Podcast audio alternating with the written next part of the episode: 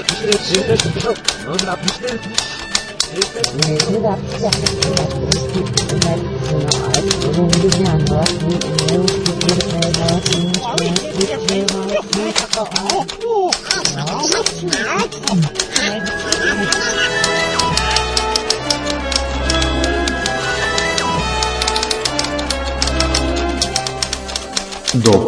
из Диснейленда. Тишина там. Нищо ми не смешно. Ćao svima, slušate podcast Dopisi iz Disneylanda, ovo je naša treća redovna epizoda, ja sam Miljan. Ćao, ja sam Nemanja. Danas je nedelja, e, emitujemo se u ponedjeljak. E, Šta kako imamo danas? A, umoran sam. Kako, si, kako, si meni? Čuje ajde, se, za početak. Čuje se da zapetljavam jezikom, misleći ljudi da sam pijan. Samo sam umoran mnogo. Ovaj, em, smo, smo imali puno posla ovaj, ove prošle nedelje. M, sam ja upravo došao s puta iz naše drage Bosne, M, e, imamo, boga mi, žestok ovaj plan snimanja proteklih dana. Čućete narednih, ove nedelje otprilike svaki dan imamo bar jednu epizodu, neki specijal, da li ovo redovnu, da li e, evrovizijsku, evrovizijske specijale koje smo već najavili, naravno igra prestola, ali čućite još sve. Ajde, čisto samo da, da, da i ja napravim jedan mali uvod. Prošli put, kažem ti, došao sam kod tebe ovaj, obučen onako pristojno. Ovaj put sam došao obučen kao, moram jednu kratku reklamicu za genijalnu stranicu na Facebooku, Squatting Slavs in Track Suits. Znači, obučen sam kao ukrajinski diler cigara, oružja ili čega, šta već u, u, u onim krš polijesterskim, adidaskim e, trenerkama, samo zato što tvoja mačka se linja i je prošli put mi ostavila po meni hiljadu dlaka svojih, ali neka nam je živa i zdrava. Idemo ja i ti na prvu rundu. Šta je prva runda? Prva runda je, ne znam kako da, naravno, ne, nezaobilazno, politika, ne, da, li, da li da na, odmah na startu, odmah u startu da, da napravimo našu omiljenu rubriku koju sam ja odmah već proglasio, omiljenu rubriku Bullshit of the Week. Da li se čuo za izjavu Nebojša iz Beograda? E, ne. Nebojša iz Beograda je rekao, pa neće Vučiću biti lako da nas u SNS ubijedi da idemo sa SPS-om u koaliciju, mi smo protiv toga, kao da se oni nešto pitaju, oni u, u, SNS-u, mislim, ja to je, ajde ovako čisto malo da razbijemo, znači genijalna rečenica, znači Vučić će imati problema da uvijedi SNS da, da ide u koaliciju sa SPS-om. Na... S su već bili. Ma da, ali mislim... Nije, a meni ipak, uh, e, ok, nek to bude tvoj bullshit of the week, moj bullshit of the week je Siniša Mali, naš dragi gradonačelnik, koji je e, rekao... Osjećam se bezbedno. Baš osjećam se bezbjedno, još bolje da će da se istraži šta se desilo u Hercegovačkoj ako se išta desilo. E ne znam se ispratio, ajde čisto evo brza, brzo sekundica. Znači on je rekao, on je rekao ovo nema veze sa nama, mi radimo posao koji je njihov posao, posao je sklanjanje šuta. E, to je kao jeli, komunalna obaveza grada Beograda, sklanjaju šut, nakon što 15 dana niko nije izašao da vrši uviđaj, i taman sad kada je Murija krenula da vrši uviđaj, odjednom se on sjetli da raščićavaju šut, zašto? Zato što bi možda moglo i da se nađe kakvih tragova. Znaš šta se me to posjeća? Narušenje Šilerove. Sjećaš se? U, akciji sablja. sablja, u akciji sablja kad je kad su došli i iz neba nebuha daj da se sruši bez ikakvih ono ok bilo je vanredno stanje ali bez ikakvih odluka sudova bez ičega znaš kao to je e, to je zgrada sagrađena zgrada sagrađena od droge od e, ubistava od, e, od ucijena od, od kidnapovanja daj da to srušimo kao da se to nije moglo pretvoriti u neki starački dom pa čak i ne znam za djecu je bilo zgrada sa bazenom znači zgrada vrijednosti nekoliko veličina nekoliko miliona eura. Nego, znači, šta smo rekli, idemo, prva tema je stanje e, u ekonomiji i klanjanje, kako sam ja nazvao, klanjanje stranom investitoru. Vrhovnom božanstvu u Srbalja, tačnije u SNS-a posljednjih nekoliko godina, to je klanjanje stranom investitoru. Gdje je tu problem koji ja vidim? A to je... ja prvo ajde, strane.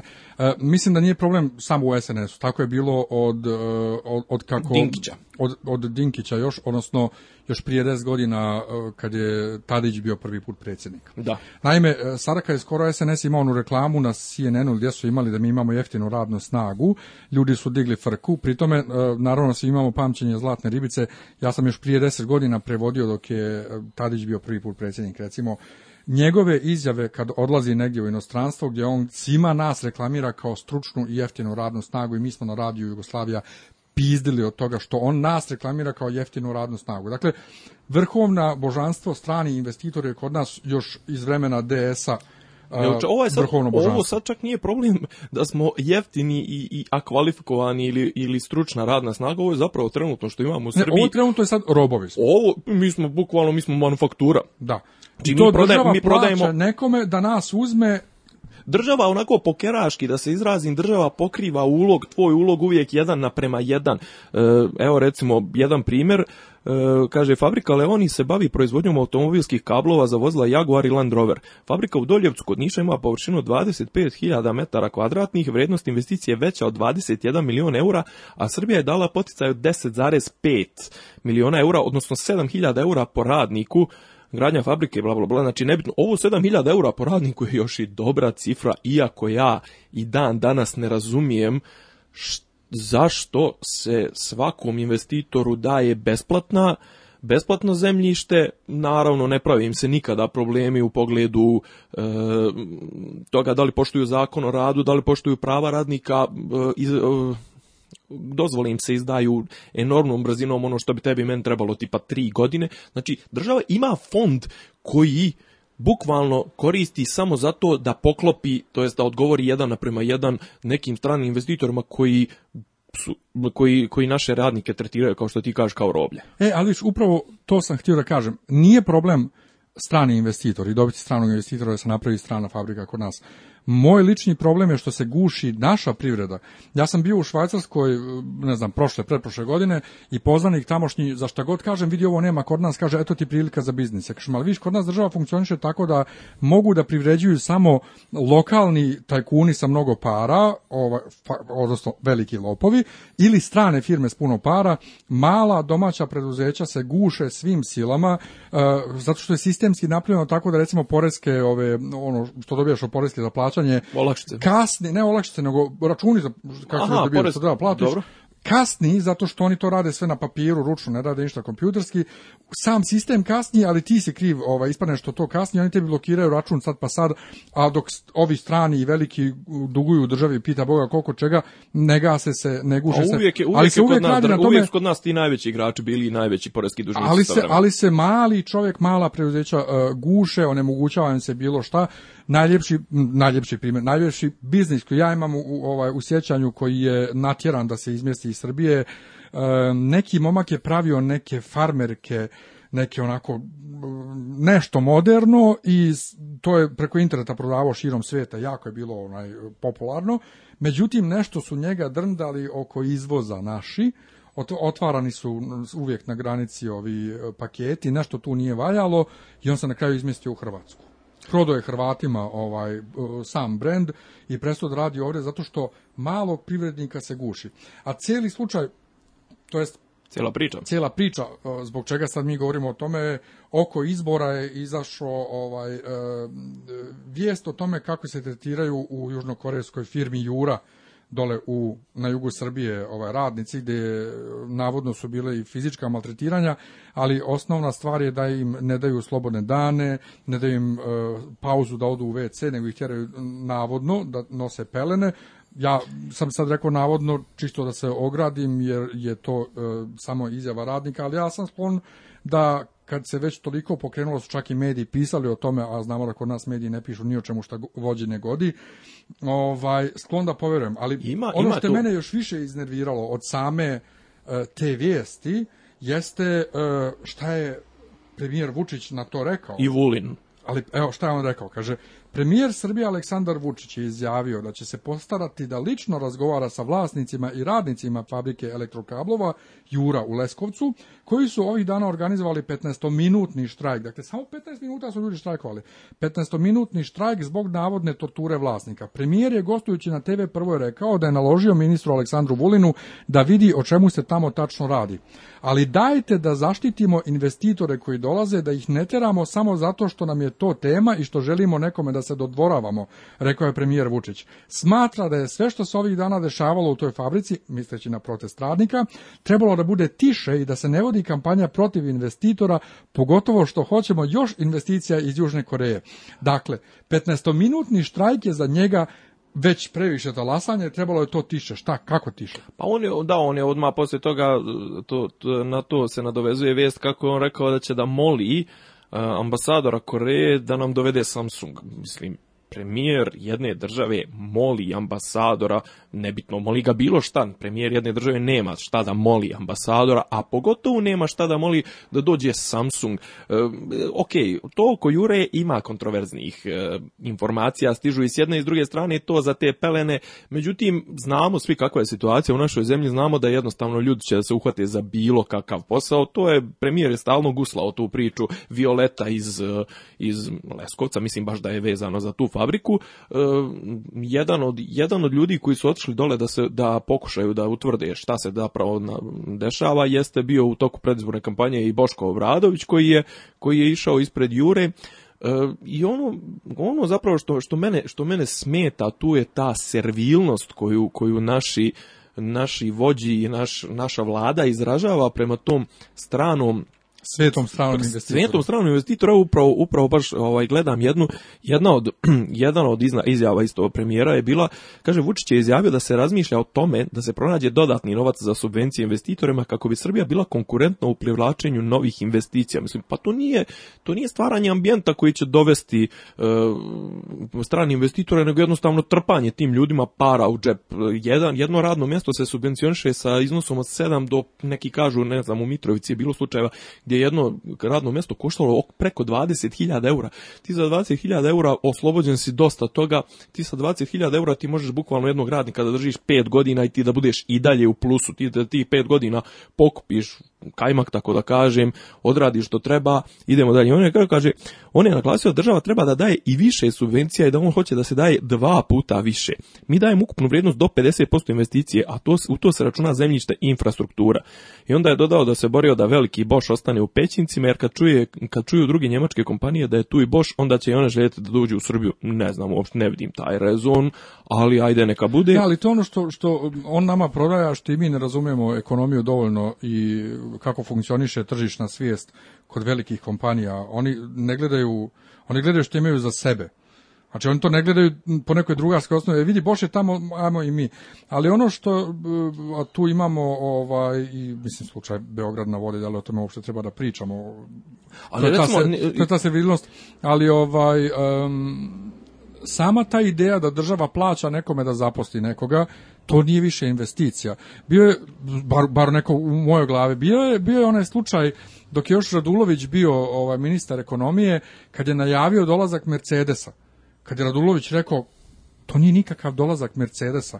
Mi kupujemo šasije od Mercedesa i kod nas se to sklopi u autobus. I dakle, imamo kao pravo da zalepimo znak. Mi kupujemo od Mercedesa, to nije investicija, nije Mercedes ošao i uložio pare nego mi kupujemo proizvod od njih koji oni onda nama daju da mi sklopimo. Da, i kaže premijer, kaže, zato je bolje da smo na to davali, kao smatra se na te subvencije Bošu, nego na bilo šta drugo. Meni padne na pamet, a zašto je bilo šta drugo? Zašto se recimo ne, ne bi davale jače subvencije poljoprivredi? Radulović je dosta pričao o tome u predbornoj kampanji koliko se zapravo, koliko se smanjila davanja poljoprivrednicima. Meni to očaj i jedan od najboljih primjera E, gdje, gdje se zapravo stvara lažna slika o tim, o tim e, stranim investicijama je nedavna prodaja željezari Kažu, ne, kažu stručnjaci koji čak i nisu naklonjeni sadašnjoj vlade, 46 miliona dobra cijena, zapravo, ok. S ali mi dalje zadržavamo sve dugove. Doći ću do toga, upravo tako, ali znači 46 miliona je dobra cijena s obzirom da su nam Amer prodali za dolar, je tako? Na, mislim, tasnije vratili nam za dolar, a e, ima zanimljiva je, zanimljiva je, ovaj, zanimljiv je podatak o onom čuvenom to je bilo prošle godine, recimo da je bio februar, mart, bio, bio onaj pregovori sa Esmarkom, propali su pregovori sa Esmarkom i onda je odjednom premijer izašao i triumfalno rekao pa ne, zašto mi da dovodimo Esmark, imam još bolju ideju, iako su bukvalno jedno deset dana je bilo molimo Esmark da ga kupi. Deset dana, dva mjeseca je dva O, tome kako će Esmark da nas koliko, Koliko fali do, do, tog, do tog dogovora, bilo nešto priča 200 miliona, nisu mogli da se nađu, on je rekao tipa da li još ne, to je bio za Telekom, da su dali još 100 miliona više pristao bi. Međutim, tada smo doveli profesionalni menadžment i hoću da ti kažem rezultate profesionalnog menadžmenta, kaže E, posebno je zanimljivo da je najveći gubitak napravljen u toku prošle godine, ovo je Mijat Lakićević napisao, kada je doveden strani navodno visoko kvalifikovani menadžment, onaj kamaraš,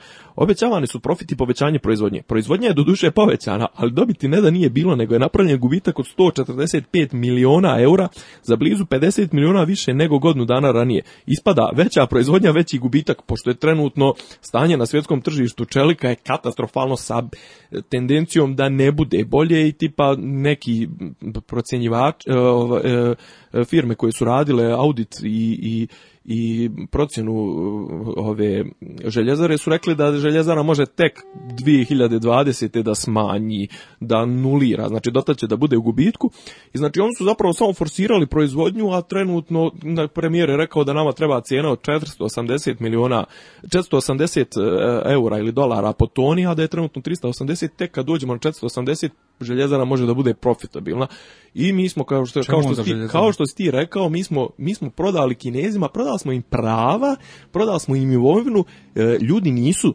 ljudi se, e, zaposleni se ne smatraju zaposlenim dalje tog novog preduzeća, nego će biti ponovo po potrebi, što ne znači da će svi biti ponovo zaposleni, vrlo bitna informacija. I od prilike, ovaj, što kaže, kako završava i Lakićević, da tek kaže, da li je, u čemu je onda, što si ti rekao, postavlja se pitanje, bio smisao povećanja proizvodnje, da li samo u tome da primjere, može da se pohvali rastom brutom domaćeg proizvoda?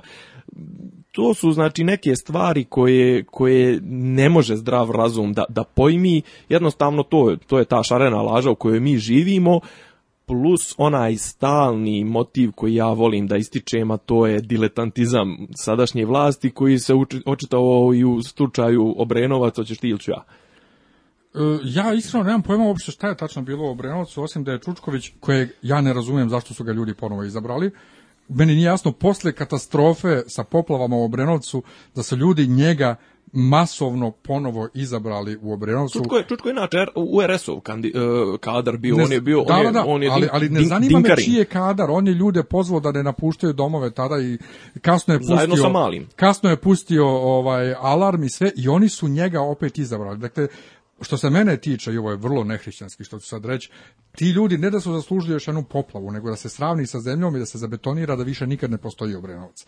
Ali postoji... Šta se desilo? Nešto, ja sam, koliko sam shvatio, neka strana firma treba tu da dođe i e, dobili su uvid u zdravstvene kartone ljudi... 55.000 55.000 stanovnika da vide čiji roditelji su radili već u iskri koji ima predispoziciju genetsku koji ima da radi, gen, gen za ako je je ono što da u Americi kako se zove taj posao neki e, inženjer elektronik nešto tako je inženjer. i to me sad e, prvo prvo moje pitanje a naravno ha ha ha u ovoj državi zakon otkud njima pravo da daju ljud, od ljudi zdravstvene kartone stranom potencijal, potencijalni investitor već potencijalni? Dakle, potencijalnom stranom investitoru, potencijalnom da daju razlog, zdravstvene kartone.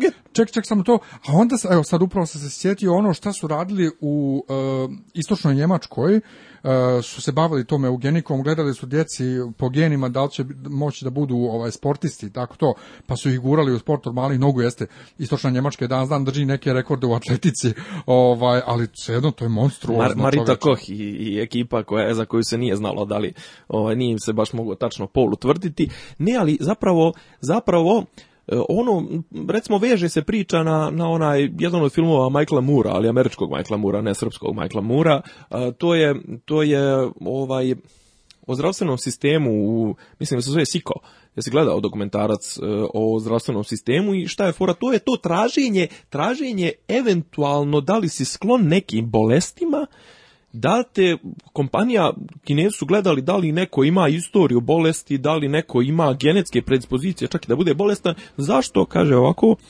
jer e, pod navodnim znacima, neće da plaća penale zbog iznenadne bolesti ili invaliditeta. Mm, to je, to je skandal neopisivih razmjera. I šta se... što te prikrijem, u Americi je sad skoro bilo da neko dijete koje ima neku bolest, i, i zbog koje bi neka druga djeca nešto mogla da razviju je izbačeno iz škole.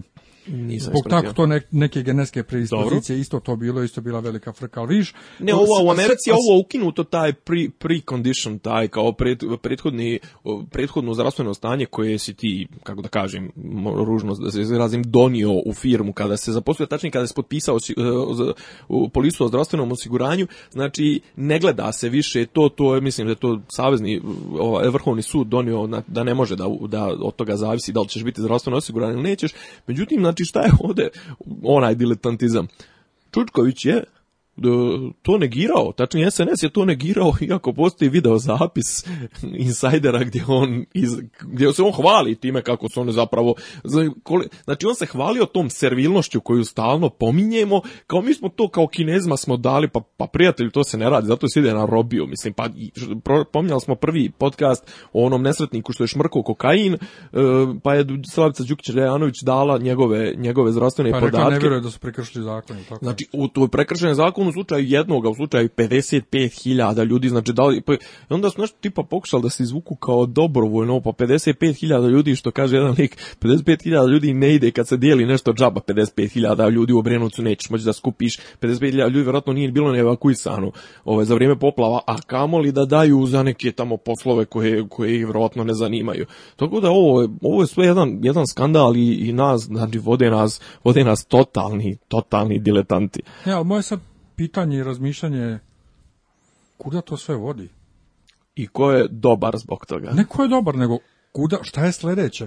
Zato što i, to sad sa tim... Pa mi ovaj, je da smo mi, da mi postanemo Burma, Burma u, u Evropi ili Tajvan. Pa ili... Sva ta glupost o genetske predispozicije, chemtrails, i sve te neke za, za, zablude, nego je naprosto ta glupost ljudska, to toliko uzima maha u cijelom svijetu, da se samo pitam kuda mi uopšte idemo kao vrsta. U, dobro. evo, ali evo tebi na... Evo je gledao Idiokratija? Nisam. Pa pogledaj, mislim da, da, da će ti dati dobar odgovor. Evo, te, ali, evo tebi sad na mikroplanu sa, s nama, šta je sljedeće? Pa ne, sljedeće je da imaš ljude koji sjede ispred te, evo, mislim, većih imaš koji gledaju reality programe i, znaš, ono, ne razmišljaju uopšte o, o nekoj široj slici, ja iskreno rečeno ni ne znam koliko, koliko ljudi uopšte je pogodila ova vijest ili vijest, vijesti koje... Ja, koje to je kod nas, kod nas ništa nije strašno. Da. sve dok se tebi ne desi lično nešto, ništa nije strašno. Znači nikome nije strašno što je to 55.000 zdravstvenih kartona je dato nekom tamo na uvid. Kinezima nek, svejedno, kome god, 55.000. Ja sam se svađao sa mojom lekarkom, e, onom odabranom, kad sam je tek dobio, kad sam rekao, je napomenuo da određene stvari iz mog kartona ne sme ovaj, niko da znamo, ne smije da piše na kartonu i ne znam ja, da ona me nešto krenula pamet, ja sam rekao, vidite, ja znam, dakle, zakon, ne sme niko, ali ja u tom trenutku nisam znao da kartoni više nisu uopšte fizički, nego sad ono... Elektronski. Ovaj, elektronski. I ovaj, ali, ali kod nas ljude, znači, ništa ne pogađa. Pa vratio, vratio bi se opet na najslabiju tačku, to, to je moje mišljenje, ljudi koji mene znaju, znaju da je to moje mišljenje, da i dalje mislim da je najslabija tačka naše, našeg društva i naše države, oni koji bi trebali da te zapravo štite, a to je pravosuđe. Znači pravo, recimo, konkretno tvoj zdravstveni nalog bi smio da bude dostupan kao i neke tvoje privatne informacije samo u sudski nalog, ti bi smio da budeš prisluškivan samo u sudski nalog, smjeli bi da se iznose tvoji podaci u javnost samo u sudski nalog, ali ti kod nas, mislim, kod nas je sud, da se ne vraćam sad na, na neke čak i moje lične primjere. pa imam ja mojih. Pa da, ovaj, tako, da, tako da jednostavno eh, ne znam odakle, odakle bi trebalo da krene popravljanje ovog našeg društva. Da li da krene od dozdo, od, od malih ljudi, od ljudi koji glasaju, od promjene njihove svijesti ili da krene od, od eh, krajnje instance, ono, ultima ratio, znači onoga koje na kraju bi trebalo da te štiti. Zašto je recimo... Ajde. Ja mislim da treba da od pojedinaca i da svako treba za svako prekršeno sopstveno pravo da diže glas i da se bori, jer tek ako se akumulišemo dakle kao jedna masa koja vrišti za svojim pravom, dakle ne dam ti na kasi, na kasi najbanalniji banalni primjer, na kasi cijena ovaj proizvoda je 99,95, ja plaćam 100 dinara. Dakle, pet para mi uzima ili prodavnica ili država, nebitno. Ali ja sam negdje čitao, bio jednom samo negdje tekst i nikad, nije se nikakva frka digla oko toga kao kad Stanija pokaže guzicu. Ovaj, pola miliona dinara ili pola miliona evra dnevno se uzima kod nas u Srbiji na kasama na zaokruživanje cijena. To je razlog što sam ja počeo plaćam karticom, da plaćam tačno u paru. Dakle, pola miliona dnevno evra ili dinara, jedno i drugo podnako strašno. I nama to ne smeta. Dakle, sve dok se ne počnemo bunti za najmanje e, ovaj, prekršeno pravo, neće biti bolje. E, ja bi sad napravio ovaj jedan šlagvort za, za možda za drugu temu, baš, baš zato, zato što ovaj kažem ako ništa drugo zašto je recimo konkretno zašto su Sjedinjene američke države trenutno najjača država? Zato što bilo šta da se desi u njoj, uvijek ćeš imati tu krajnju instancu, u krajnjem slučaju Vrhovni sud Sjedinjenih američkih država koji će te zaštititi, a povjerenje u pravosudni sistem je osnov svake zdrave države. A u Americi to postoji i ja bi sad da krenemo na ovu drugu temu. Ovaj, e, ove sedmice e, za, e, jedan, jedan dio predsjedničke trke je riješen u Americi i to je, to je u republikanskoj partiji došlo je do, do situacije da je samo Donald Trump ostao u trci, a svi ostali kandidati na tim takozvanim primarisima su odustali od trke. Ok, ja jedino što sam, što sam vidio ovaj, kod republikanaca bilo je da je Trump isprozivao oca od Teda Cruza da je bio u nekoj korelaciji sa ubicom Kennedyja. Između ostalog. Je tu nastao haos? Nije, pa ne, to nije, e, e, nije, nije samo tu nastao haos. Trump, Trump inače ima to ponašanje buldožera. On bukvalno čovjek gazi sve pred sobom. Nego, ajde, čisto jedan kratki uvod. Trump je, Trump je kao prvo čovjek se pojavio nijotkuda prije jedno godinu, dvije. On je bio čovjek koji je bio glasač i po, on neko ko podržava demokratsku stranku. Kažu da je on jedno vrijeme ne neki značajan novac izdvajao i u fondu Hillary Clinton za njenu predsjedničku kampanju, tačnije za kampanju za za nosioca predsjedničke nominacije ispred demokratske stranke 2008. kada je ona izgubila od, od, od Obame i on je krenuo i ta trka je, u republikanskoj partiji je bila totalno luda, znači oni su krenuli njih tipa 17 i onda su jedno vrijeme su organizovali debate tako što su bukvalno kao u boksu, bio je onaj kao main card i njih šest kao najjačih e, igrača, najjačih kandidata su bili kao zvezde večeri, a prije toga je bio onaj kao undercard, kao ovi ostalo raja uzmu pa se, pa se i, uglavnom, on je jednog po jednog je eliminisao i ono što je zanimljivo, on je uspio, on je uspio da eliminiše igrače koji su bili E, najjači kandidati e, establishmenta Republikanske partije, to su brat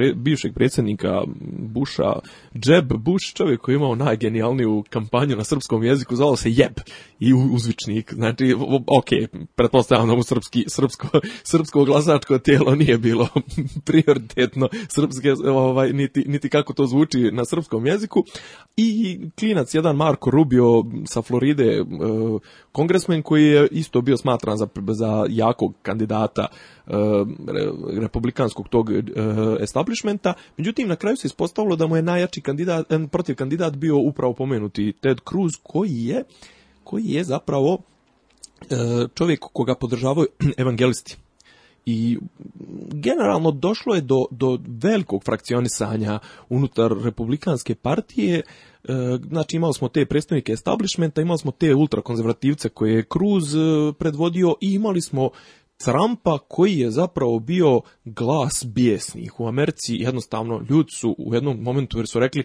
e, ne može više ovako, znači puno je para, čak i u republikanskoj partiji koja troši enormna sredstva da skine tačnije ne da skine, nego da neko drugi dođe umjesto Obame. Ovaj, ne znam, znači koliko ti prati, mislim, možda znaš Trumpa više onako kao reality zvijezdu i to je sasvim, sasvim dobar... Znam. Ja ga znam samo kao milijardera, ništa više. Molim Znam da mu je žena bila Ivana Trump, odnosno Ivana Trump i da je njena ona rečenica girls don't get mad, get everything. Sad Ništa drugo je ne znam. mu je žena Slovenka, Melania Trump. Ovo, isto, isto, prelepa žena. slovenske žene. Da, isto prelepa žena i kažem ti Trump je Trump je tu više više bio kao glas nekih besnih i bukvalno u jednom momentu su oni bili svi skočili na njega da ga onemoguće e, pravilo u republikanskoj partiji je da ko skupi 1237 od 2400 koliko je puta 2, ovaj znači ko skupi 1237 gla, e, tih elektora glasova automatski je kandidat Republikanske partije. Međutim da on nije skupio pošto je dosta glasova se bilo rasulo, bilo došlo bi do nečega što se zove Brokered Convention, znači na konvenciji Republikanske partije u Clevelandu e, ne bi se, ako on nema 50% plus 1, onda u sljedećem tom takozvanom second ballot, third ballot, ti delegati imaju pravo da glasaju po svom sobstvenom nahođenju. I čak se bilo priča da, znači, samo je bitno da se skine Trump i na onda ćemo mi da izaberemo nekog drugog. Međutim, Trump je sada u, u, srijedu je polupao protivnike u, u Indijani i bukvalno odustali su, odustali su i, i i e, Kesić e, treći protiv kandidat i, i Cruz, tako da je Trump definitivno kandidat e, republikanske partije, on je inače poznat po tome da se divi Putinu, mada jedan dan mu se divi, drugi dan kaže ja bi to... Pa zato što on nije, on čovjek nije očigledno prvo po čemu nije političar, mada istovremeno jeste i s time i tipični političar, je što on na početku kad je najavio da će da se kandiduje, kad su svi mislili da se sprda, nije se znalo za koga. Da li će za demokrate ili će za republikance? Ili čak nezavisno. Ili nezavisno. Re, bila je priča ako ga tipa, ako ga ispale republikanci, da će se on nominovati nezavisno, što bi bio I onda je presedan na, na republikansku stranu. E, bio, bi presedan. On je inače poznat, mislim, njegovi stavovi su prilično blesavi. On je rekao da će da sagradi zid. Zid između Meksika i Amerike. I da natjera Meksikance da plate taj zid. što je totalno ludilo.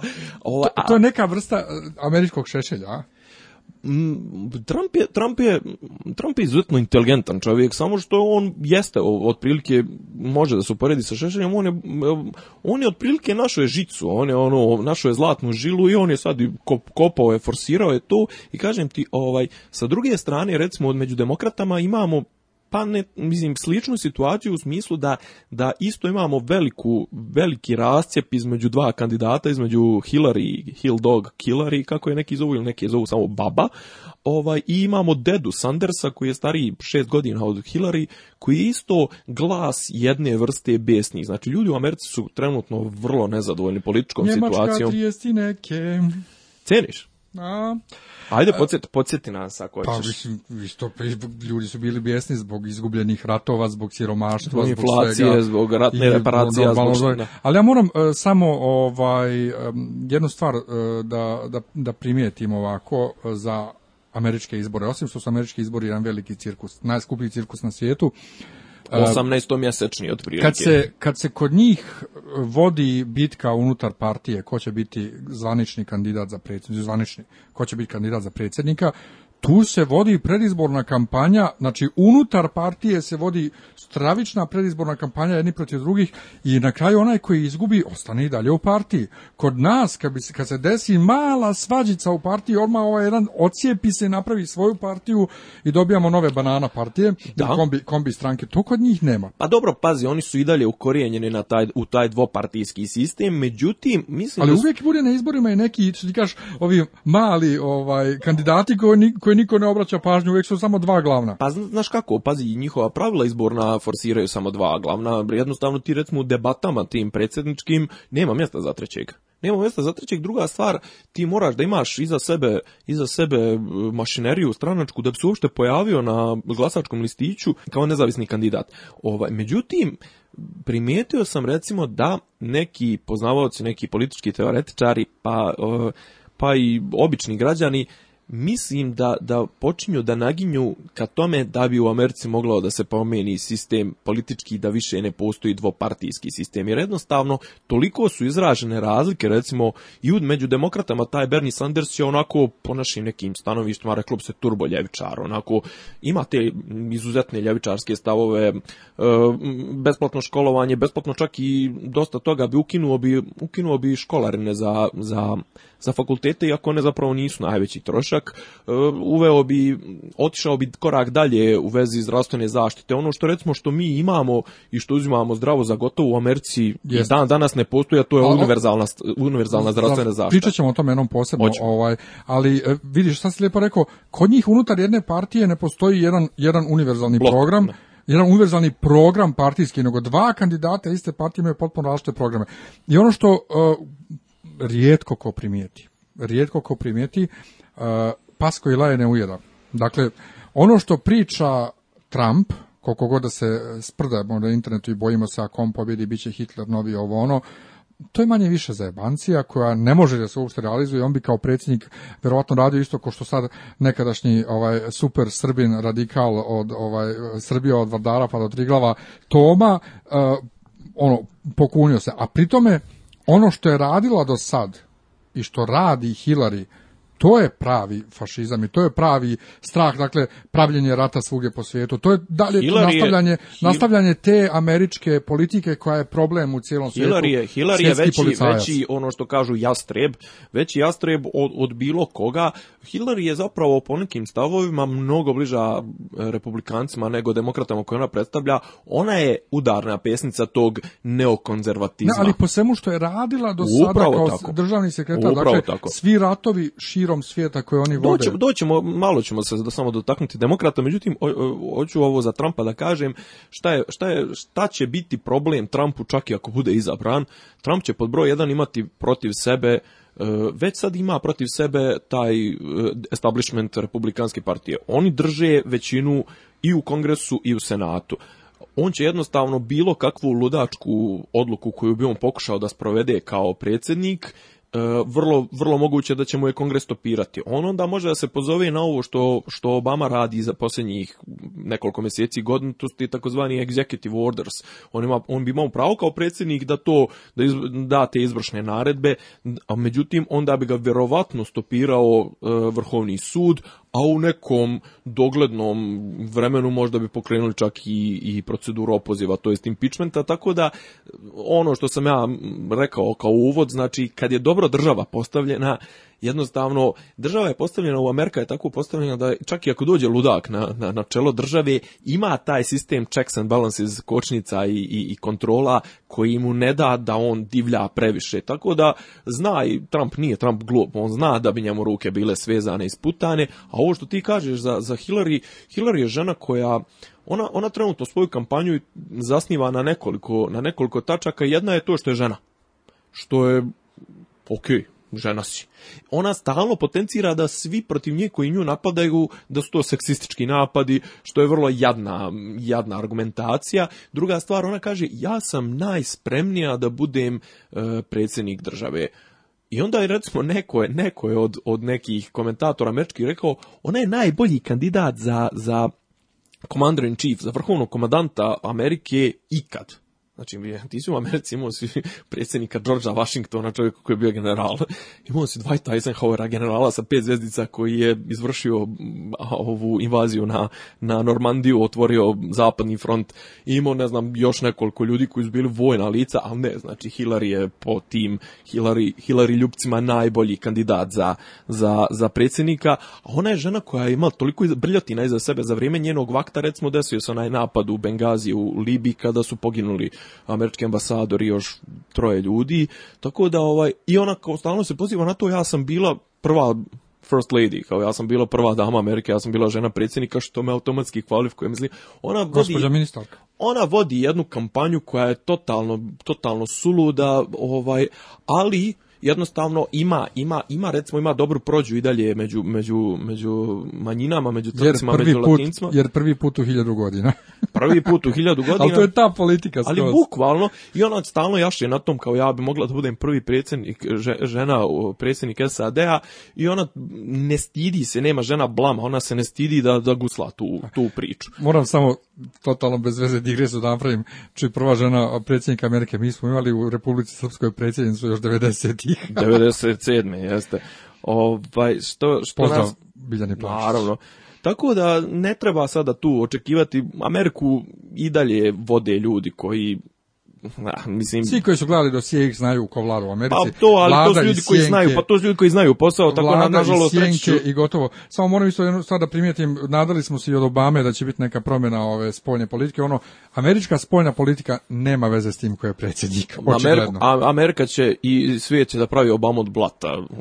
Kakvi, kakvi nam tek dolaze, na mjesto predsjednika najmoćnije Jeste, ali ja mislim i dalje, američka spoljna politika je takva kakva je i ona se ne mijenja s predsjednikom nego se mijenja sa nekim drugim interesima. I mijenja se sa drugim igračima, znači oni imaju taj savjet za nacionalnu bezbjednost, bla, bla, bla. To su ljudi koji, to su think tankovi koji, koji zapravo kreiraju američku spoljnu politiku. Tu Obama nešto može vrlo malo i on je krenuo u dobrom pravcu ovo sa Iranom, sa, sa, sa otopljavanjem odnosa, sa nekako, kako da kažem, distancom sa Izraelom, ali ništa to nije spektakularno. A Kuba? Ko? A Kuba? Kuba je, pa, pa nije mu ni to loš potez, ne mogu da kažem da je to, mislim da je to dobar potez, ipak, mislim, 60, od 62. Od, od, kubanske raketne krize i od ne znam 60 ovaj od 60-ih kad su kad i ovaj revolucije bre prošla preko 50 godina mislim da je vrijeme da se otopleti odnosi tako da mislim da to je jedan dobar potez. E, kad su američki izbori bješe? prva, prvi četvrtak u novembru recimo, znači početak novembra. Dobro, ovo, je bio jedan, ovo je bio jedan bitan događaj, drugi će biti kada Hillary osvoji nominaciju što je 99,9% izvjesno iako je FBI nešto istražuje tako da imamo Inače, e, ovaj moram samo kratko za kraj ove teme da dodam za Bernija ovaj, kojeg ne prati mnogo, ali svi oni koji hvale Hillary kao prvi put u hiljadu godina i Hillary radi ovo, Hillary radi ono, Bernie je to radio sve još 60-ih. Od podržavanja istopolnih brakova, on je s Milkom zajedno šetao tad, a oni nju hvale da ona, ne znam, sad e, podržava te manjine i ne znam, nemam pojma, ona je 90-ih bila protiv svega toga, ali pričat ćemo I naravno dobio, i dobio je bacine i, milicija ga je privodila na, na crnačkim okupljanjima. Tako, tako da, da pričat ćemo naravno o svemu ovome još narednih nedelja, sad ćemo da pređemo na sljedeću temu. Sljedeća tema nam je, nismo još, mi smo uopšte imali do sada u sport.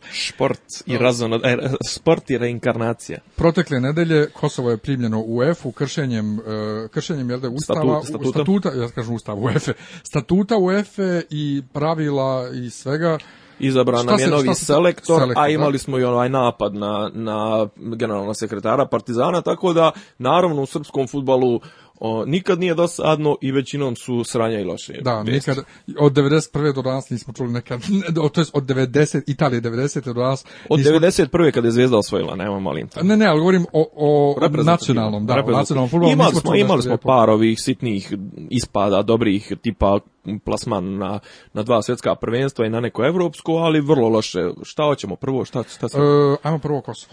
Kosovo... Ispišeš šta se desilo. Pa ništa, Budimpešti je bio taj, taj uh, kongres uh, e, UEFA i 28 naprema 24 se glasalo za prijem Kosova u UEFA.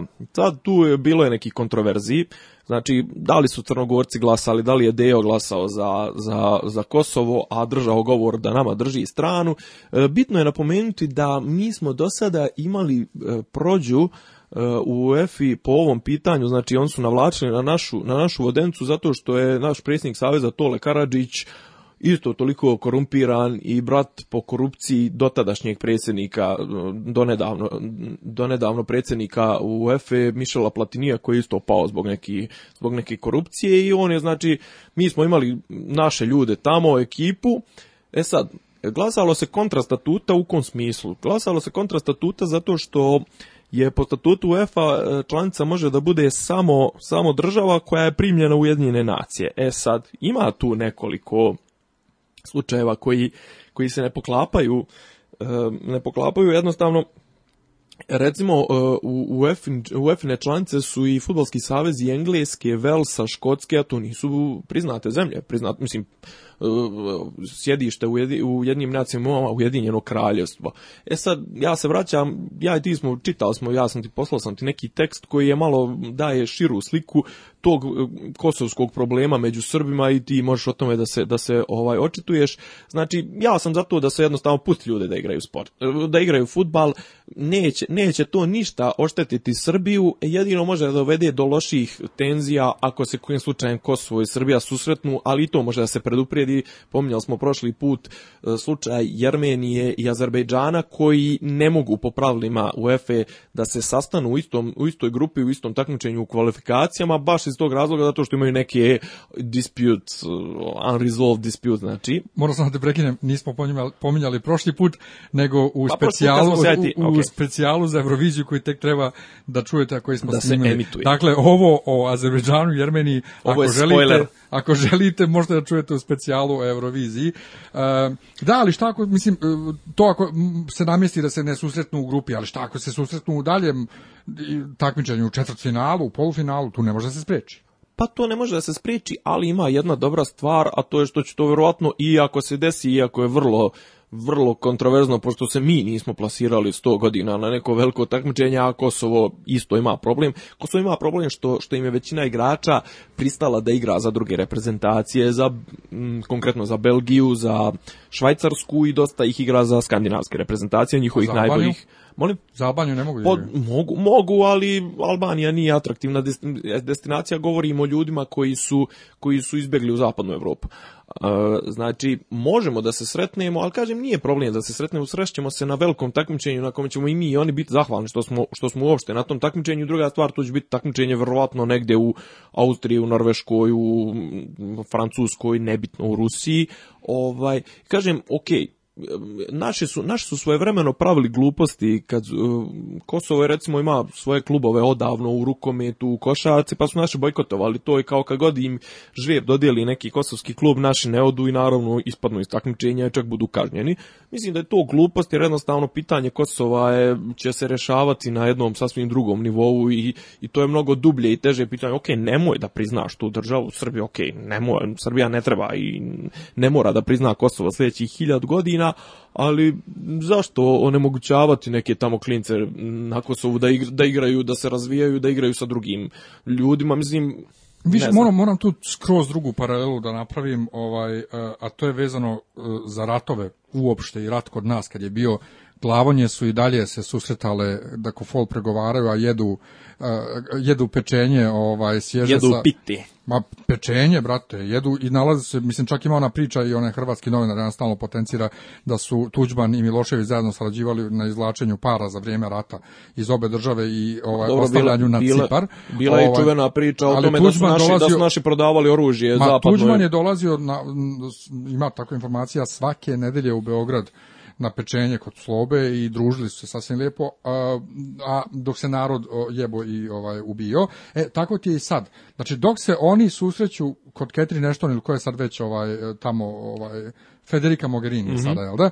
Dok se oni tamo lijepo susreću na radnim večerama po Briselu i ovaj drkaju tamo i druže se sasvim lijepo u lijepoj atmosferi, e, ovamo ti kaš nekim klincima e, se ne da. I dok mi niko ne diže frku oko toga što oni se tamo u lijepoj atmosferi druže u tom jebenom Briselu, ali da neko dijete s Kosova igra futbal ovamo, to nema. Pa očigledno da je jedino rješenje na ovim prostorima da dođe neko pa da nas natjera. Da se zabetonira. Ne da, se, ne da nas natjera na nešto, znači, jer, jer da nisu naterali 20 novembra 95. ove naše idiote da se sastanu u vojnoj bazi ovaj, Dayton u Ohio, veliko pitanje dokad smo mi cijedli taj sukob koji je bio besmisleno od...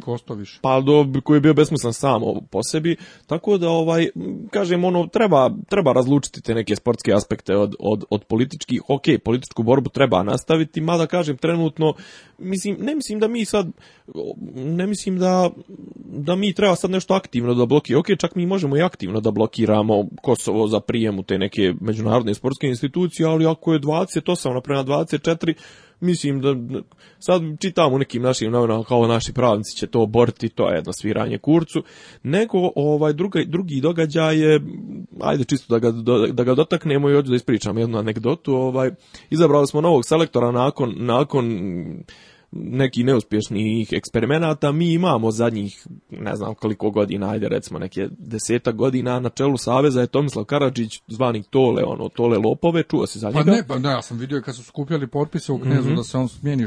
Šta je s njim problem što ga ne smjenjuju i zašto ljudi hoće da se smijeni? Ja, ja ga lično ne podnosim, jer on ima, čovjek je robio nešto u spužu za neku da, kafansku tuču, nebitno. On je predstavnik onog crnogorske one ekipe zajebanih igrača, on je bio prvo predsjednik e, Spartaka iz Subotice, pa predsjednik Futbolskog saveza Vojvodine, pa predsjednik Partizana, pa predsjednik Futbolskog saveza, Popet pa Partizana. Uglavnom, šta je kvaka?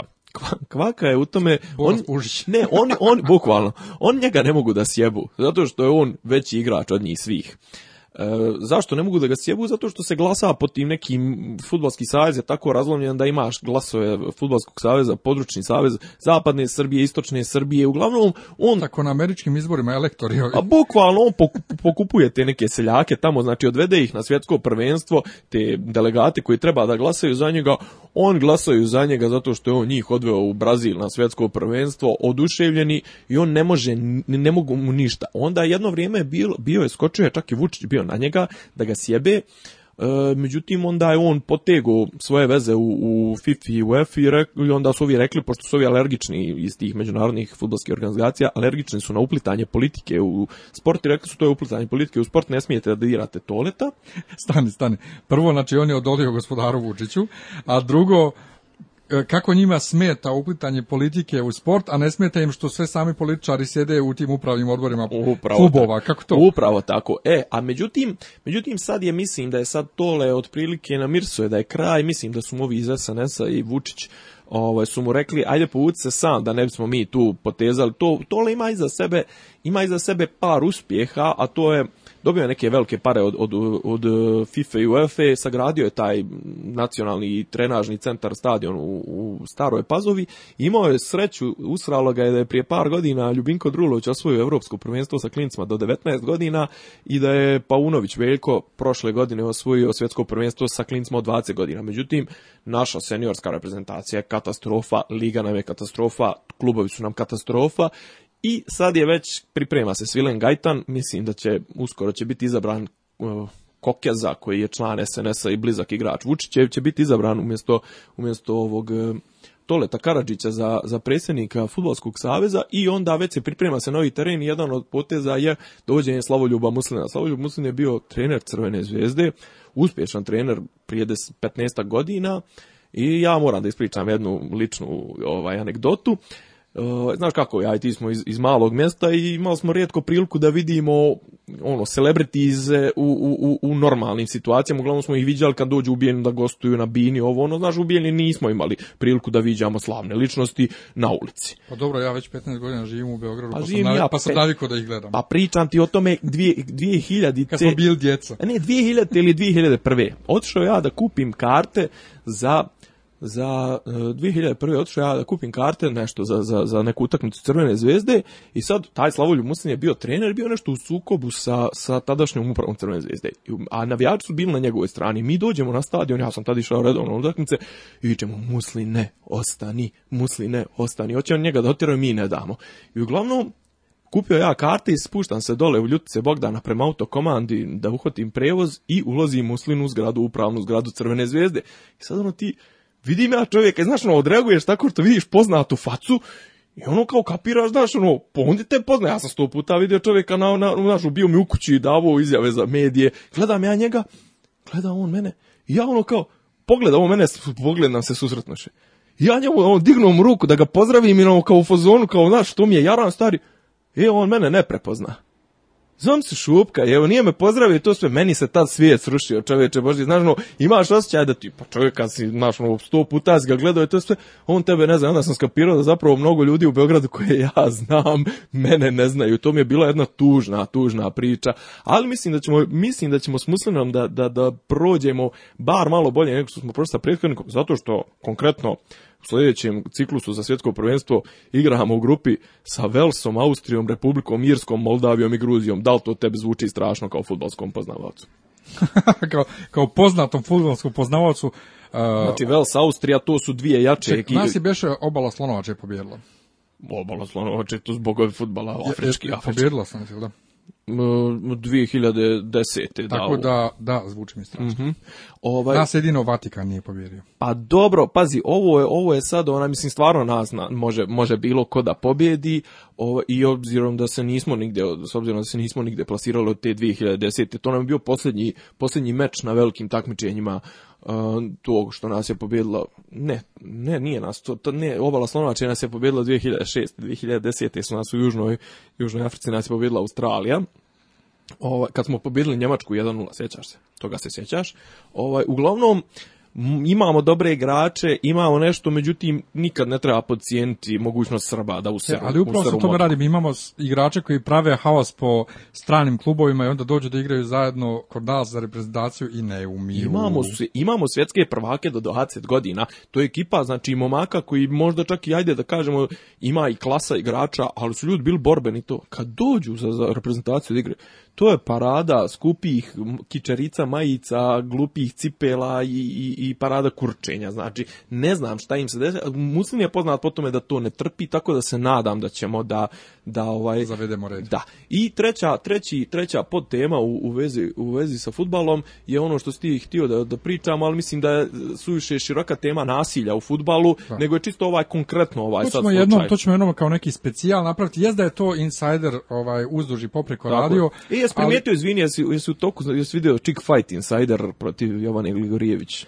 Jesam, komentarisao sam kod Jovane, ali o Insideru isto možemo jednom posebno pričati, ja nisam ljubitelj Insidera. Nisam ni, ja, meni Ni ono. Brankice, ovaj, reći ću zašto, evo, kad već pominjem, bilo koji intervju njen, koji ona lično radila u okviru Insidera, a nisam puno Insidera gledao, to je štuc muc. Znači isto Kolja Bečković ne zna da sastavi dva padeža, ne zna da čemu da sastavi. Ali joj ne e, smeta da bude arogantna. I kad pita, e, pa ali ne možeš ti biti arogantan ako, ako tebe prevesla e, Prelević ili Mladen Obradović, razumiješ? Kad je bila tema ono Kosovo i i Ne možeš biti arogantan, ali ćeš onda ispati još, ne, ne, još glup ne, ne, ne, ali, ali moraš biti arogantan do kraja. Dakle, kad ti Preleviću kaže kako to kamioni uđu na Kosovo pa se vrate nazad u Srbiju pa to švercovanje, on kaže šta vama smeta što narod kupuje jeftinije, što narod ponavlja ja mu kaže, ali ja ne govorim što o ljudima, pojedincima koji idu s Kosova, kupuju u Srbiji i vraćaju se, ne znam ja, govorim o kamionima. Ne, ona to ne kaže, nego štuc muc. Pogubi se, pogubi štuc, se. Muc, dakle, to meni nije znak dobrog novinara i tu sam naravno na strani uvijek Jovane Gligorijević. Ja sam... Pozdravi za Jovanu, za... nas ne sluša.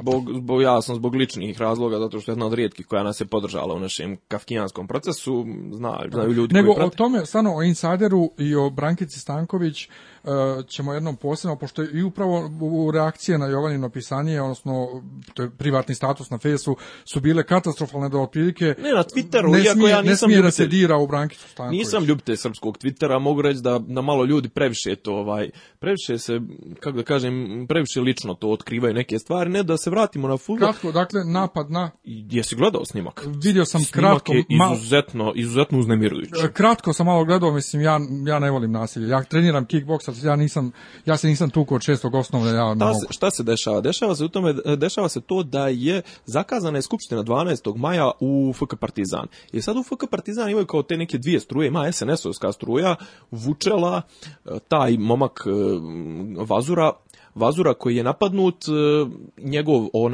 snimak, snimak koji, koji kruži internetom je zapravo prikaz napada na, njegovo, na člana njegovog obezbeđenja. I sad šta je tu meni zanimljivo? to je, koliko sam skapirao, izvršio lik koji je neki Sale Mutavi koji je, koji je e, vođa grupe Janjičari. Zašto se zovu Janjičari? Zato što su oni svi prije toga navijali za neki drugi klub. To je vrlo interesantna pojava. Znači, šta se dešava? To tim ljudima apsolutno ne znači pripadnost klubu. Mislim, on kao navijam za On je bio navijač zvezde i sad je prešao u navijače Partizana. Uvijek se pričalo da ima ta neka ekipa među navijačima Partizana koja nosa službene legitimacije nekih naših službi i milicije DBA i uglavnom mogu da biju koga će. Taj već trebao nekog Marta da ode na odsluženje, e, odsluženje vojnog roka, odsluženje zatvorske kazne. Međutim, nije to uspjelo da se izvede i šta se dešava? Dešava se to da je optužena, je druga strana, a to je bivši pre, e, general sekretar Partizana da pravi puč, sprema se ta skupština i dvije su te neke zaraćene strane, Nenad Bjeković predvodi tu, on kaže da nije, uglavnom, znači imaš ljude koji apsolutno ne pripadaju sportskom miljeu, ne pripadaju ni navijačkom miljeu, imaš ljude koji su profesionalne tabađije, znači zna se ko je čovjek i čak i u kameru je pokazivao i srednji prst i ono, zna mu se faca, zna se gdje živi, čovjek treba već da ide na osuženje zatvorske kazne i to prolazi nekažnjeno, dok za neka druga sitna krivična djela, mislim, ganjaju ljude koji, ne znam, po pijac prodaju ono, švercovanu robu, mislim. I cvijeće, i Pa, na primjer. Tako da, ovaj, od, od nasilja u srpskom sportu ne, ne možeš, i mogu da ti kažem da ti zavidim što ne pratiš srpski futbal, evo, izložio sam ti par problema i nada, mislim da sam te ga ogadio dodatno. A pa ne, meni je futbal kao futbal nije nikad bio zanimljiv, ali dobro, to je posebna tema i kome zna, zna, ali ovaj, e, sad nemamo vremena da se pozavimo tim nasiljem u sportu kod nas i to ćemo ostaviti za neku drugu emisiju kada ovaj e, očekujem pozvaćemo još nekog trećeg da pričamo baš i, i, insider možemo tu da potkačimo ovaj istovremeno, ali prije svega dakle nasilje na tribinama zašto? Zašto? Da. Ima o tome milijardu ovih dokumentaraca. Ne, dokumentaraca o mhm. tome, nije to samo kod nas, to je svugdje. Ali ja nekako naravno me najviše pogađa jer kod nas kod nas stvarno bez toga nikako ne može ja ne kapiram zašto Zašto, zašto? E, završavamo, nego samo da najavimo sljedeći neki, vidit ćemo da li će biti specijal, to sve kakav je Kapetan Amerika? E, Kapetan Amerika, gdje me, gdje nađe?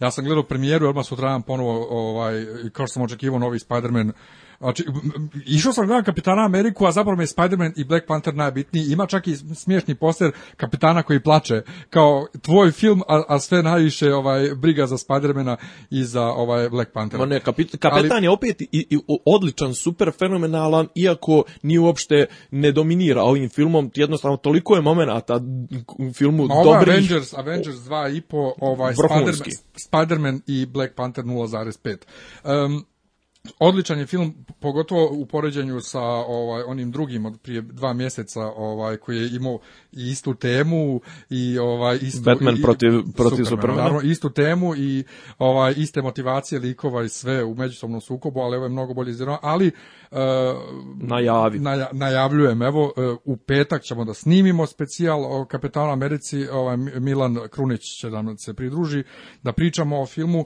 i to ćemo objaviti recimo negdje u subotu, ali ova cijela nedelja želja ovaj, nam je ispunjena podcastima. Naime, e, večeras e, u toku e, večeri ćemo snimiti review Gledat. treće epizode tako ovog je. Game of Thrones. pa Danas, da, da, danas tako ponedeljak, onda će to večeras da se snima i negdje ćemo Uglaviti. utorak ujutru da objavimo, a večeras ponedeljak ćemo da objavimo prvu epizodu specijala za e, Euroviziju gdje smo komentarisali e, pjesme iz prve, sa prvog polufinala koje je na programu u utorak uveče u 9. Dakle, dan ranije možete da čujete šta mi mislimo o pjesmama iz prvog polufinala u utorak u toku dana možete da slušate e, naše mišljenje o novoj epizodi e, Igre prestola. U srijedu možete da slušate šta mislimo o pjesmama drugog polufinala i finala Eurovizije, a to je dakle e, emituje se u četvrtak i u subotu, ali pošto zna već koji su šest velikih finalista, nismo isto iskomentarisali zajedno sa drugim polufinalom. Uglavnom u ova, sedmica, ova sedmica je totalno Dakle, možete svaki dan da nas slušate Kome... i u petak snimamo Civil War koji će biti recimo u subotu, i već u ponedjeljak sljedeći ponovo nova redovna epizoda podcasta. Tako da od, od podcasta htjeli smo kao ono jednom nedeljno kao redovni ispade e, gomila specijala, ali šta kad ima o čemu se priča? Hvala vam svima što nas slušate, nadam se da nismo toliko naporni i da ćete istrajati, bit će ovo sve bolje i bolje. Nadamo se da bit bolje. U svakom slučaju hvala vam na pažnji i čao. Ćao.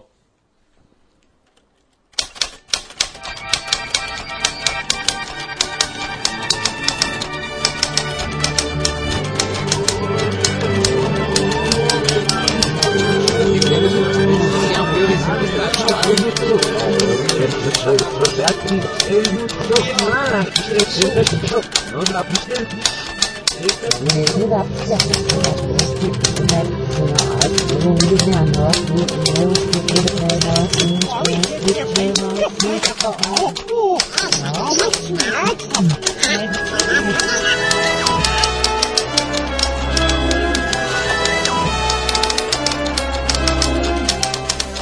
Dopisi iz Disneylanda. Tišina tamo, ništa mi nije smešno.